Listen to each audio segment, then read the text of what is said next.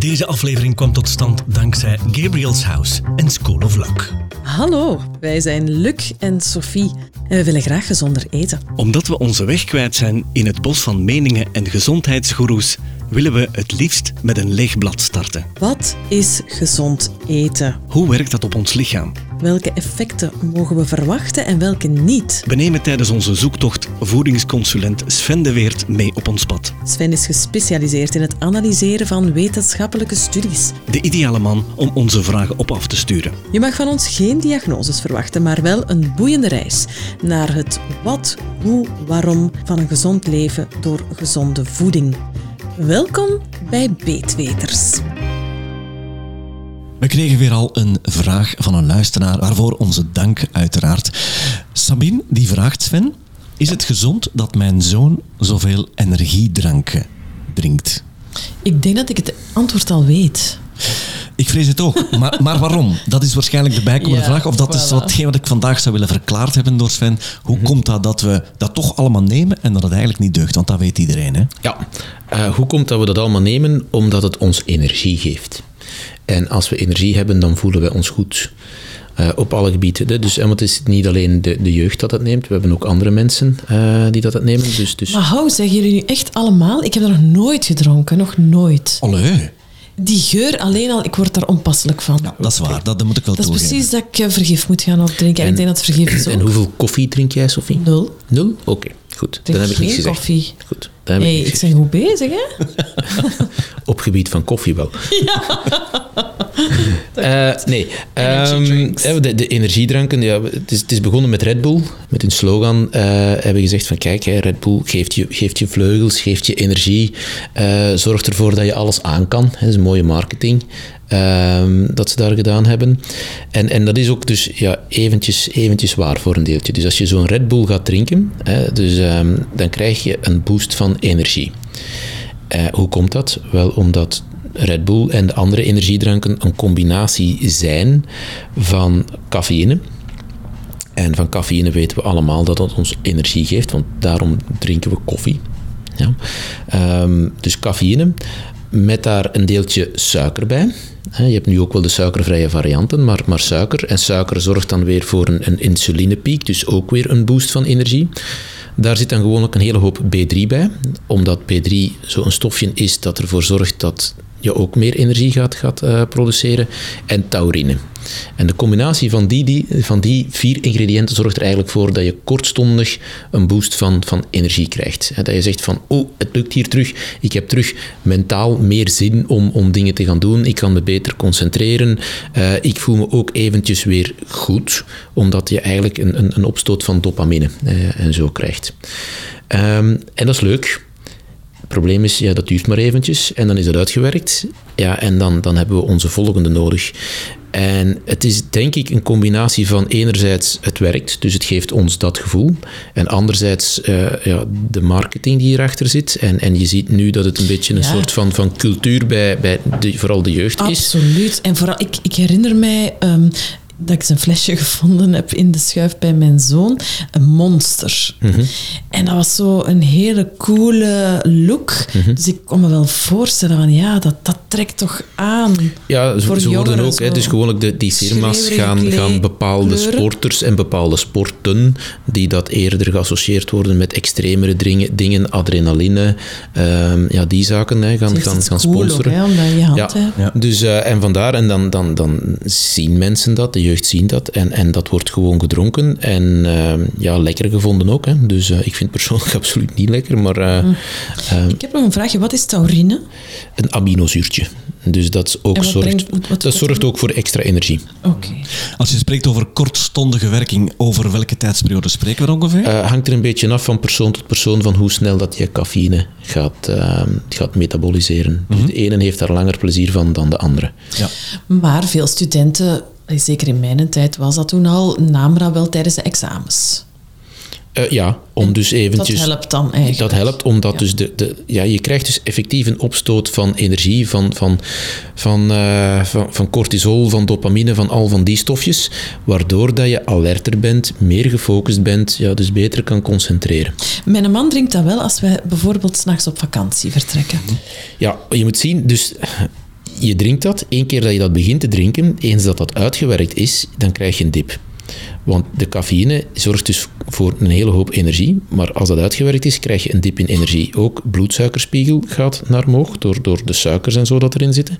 En we weten allemaal, als we snelle suikers gaan eten, hè, want je krijgt bijvoorbeeld ook als je een cola of een andere frisdrank drinkt, dat gaat eventjes naar omhoog, maar een half uur, drie kwartier later is dat uitgewerkt, krijg je de dip. Dus één keer dat je met zoiets begint, en zeker als je met de auto aan het rijden bent, ja, dan moet je blijven. Hè? Want anders dan, dan moet je blijven totdat je er bent. Uh, want anders dan, ja, dan, dan wordt het alleen maar, maar erger.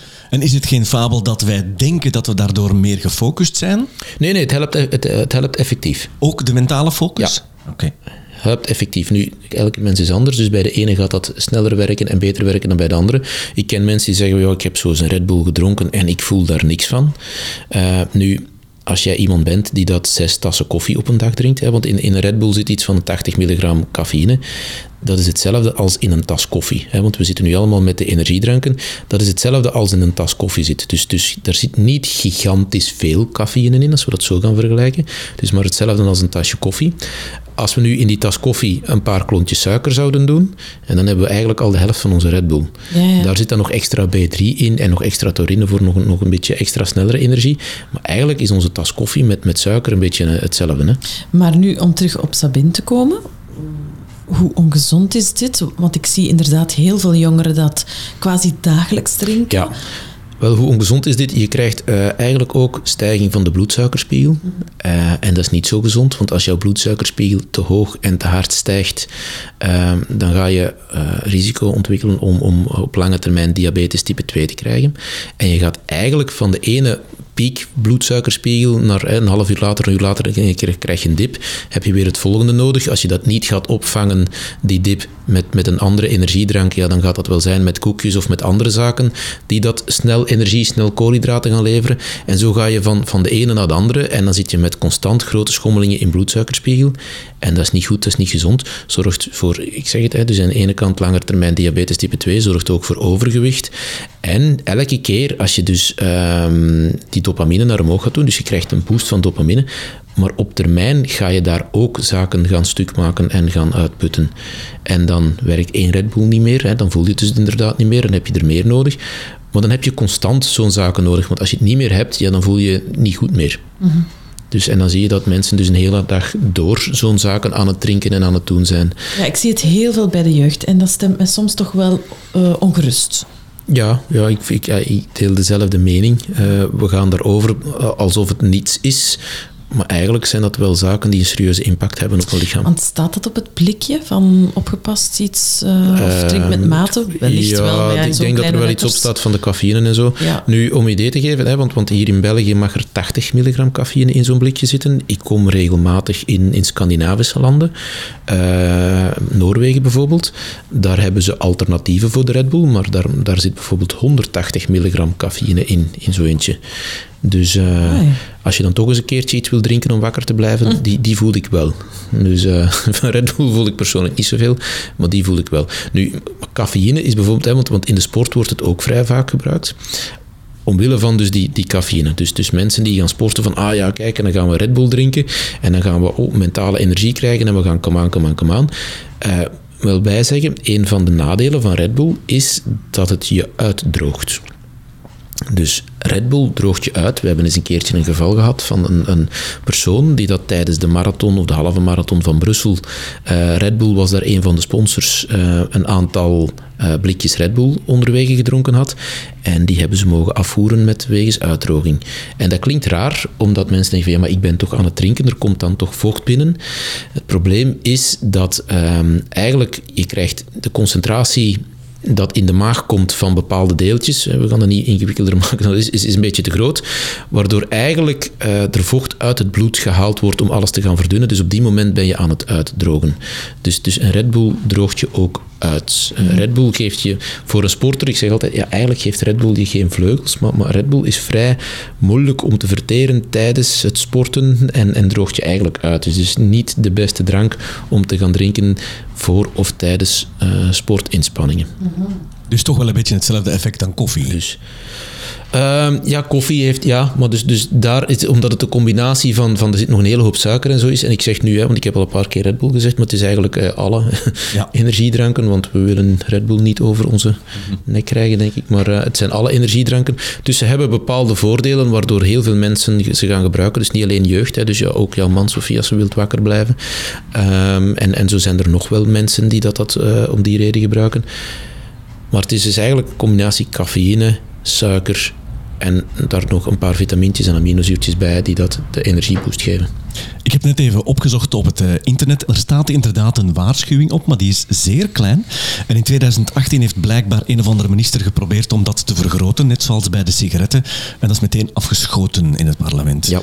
Dus de waarschuwing gaat niet groter worden. Het staat erop, maar zeer klein. Ja, en ik denk dat je het nog helemaal niet kan vergelijken met een pakje sigaretten waar dat zo van die dode longen op gefotografeerd staan. Deze look, de, het, het uitzicht van een blikje is heel cool, hè? Ja, ze zien er allemaal heel mooi uit. Ja. Maar dan komen we weer bij de vraag van de verantwoorde ouders, want we kunnen niet alles bannen voor onze kinderen, wat niet goed is voor hen.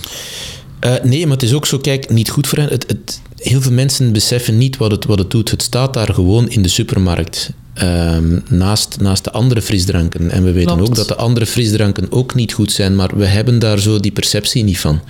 Dat kan niet zo slecht zijn, want dat wordt gewoon verkocht en dat staat daar gewoon. Hè. Dus, dus hetzelfde, we hebben al een paar keer gezegd met alle andere zaken. Hè. Dus onze, onze, onze supermarkten liggen vol met zaken waarvan dat we weten en bewezen is dat ze absoluut niet goed zijn voor ons. Maar ja, het wordt gewoon dagdagelijks verkocht, het wordt dagdagelijks gegeten, dagdagelijks gedronken. Dus het kan niet zijn dat dat toch zo'n bepaalde gevolgen heeft voor ons. En het is maar eentje en het is maar ditje en het is maar datje. Het is de combinatie van dat dat wel serieuze gevolgen heeft. En dat is al geprobeerd om ehm, te zeggen van kijk, we, we moeten de gezonde dingen promoten en de ongezonde zaken. Wat als we op, op frisdranken of op snoep hè, zetten, hoe lang dat je moet sporten om die calorieën eraf te krijgen en zo. Dat is allemaal al geprobeerd. Ja, komt niks van. Dus dat wordt tegengehouden. Als mensen zich bewust zouden zijn van wat de gevolgen zijn voor hun lichaam, dan zou dat misschien anders zijn. Maar dat gaat niet helpen, Sven, want zelfs als er eh, angstaanjagende foto's zijn vermeld, en, en eh, dan eh, weerhoudt dat de kinderen en de mensen en de jongeren niet van roken, bijvoorbeeld. Eh, nee, nee. Ik was net aan het denken, als onze supermarkten nu eens opgedeeld zouden zijn, zoals de voedingsdriehoek, in donkergroene, lichtgroene, gele en rode zones. En dat we daar al ons eten en drinken in zouden verzamelen. Ja, we- Zou het een effect Wel, het heeft, ze zijn al een klein beetje aan het proberen met de Nutri-score. Hè. Nutri-score A, B, C, D. Hè. Zo van daar hebben we het al over Daar hebben we het gehad, al over gehad, maar dat, dat heeft, heeft dan niet per se eh, ja, iets te maken met, met gezond. heeft eerder te maken met hoeveel calorieën, hoeveel vetten, Voilà, hoeveel van die ik zaken dat dacht erin dat zitten. mijn gerookte zalm toen maar een D of zo was. Dat heb ik toen Ja, ja, ja. En, en dus frietjes bijvoorbeeld, hè. Dus, dus diepvriesfrietjes, die, die krijgen een A of een B. Ah. Ja, dat is omdat ze nog altijd niet gefrituurd zijn. Dus van het moment dat je die gaat frituren. Dus het is een beetje, er zitten nog een beetje gaten in. Maar het is al wel een mooie poging van. Maar de- het idee van Sophie is wel goed, want eh, dat gaat de man inspireren die naast die groene winkel een rode winkel gaat open doen. Ja.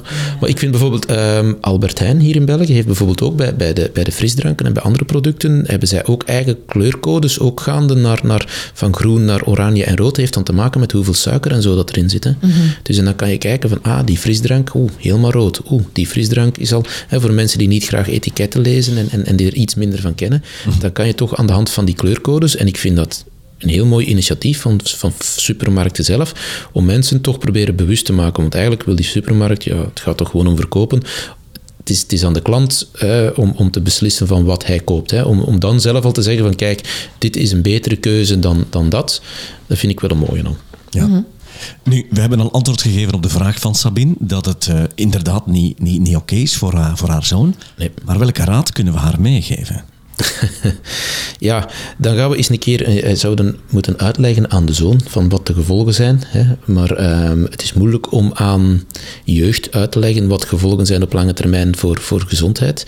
Ja, ja, dat is sensibiliseren tot, tot een bepaalde mate. Ja, ik bedoel, het is, het is hè, zoals jij zegt, Luc, eh, we weten allemaal dat roken gigantisch ongezond is en we zijn gekomen van, van eh, vroeger van het, was, het, het kon niet veel kwaad naar hetgeen wat we nu weten.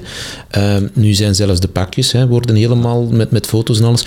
Maar het wordt nog altijd verkocht. Mensen roken nog altijd.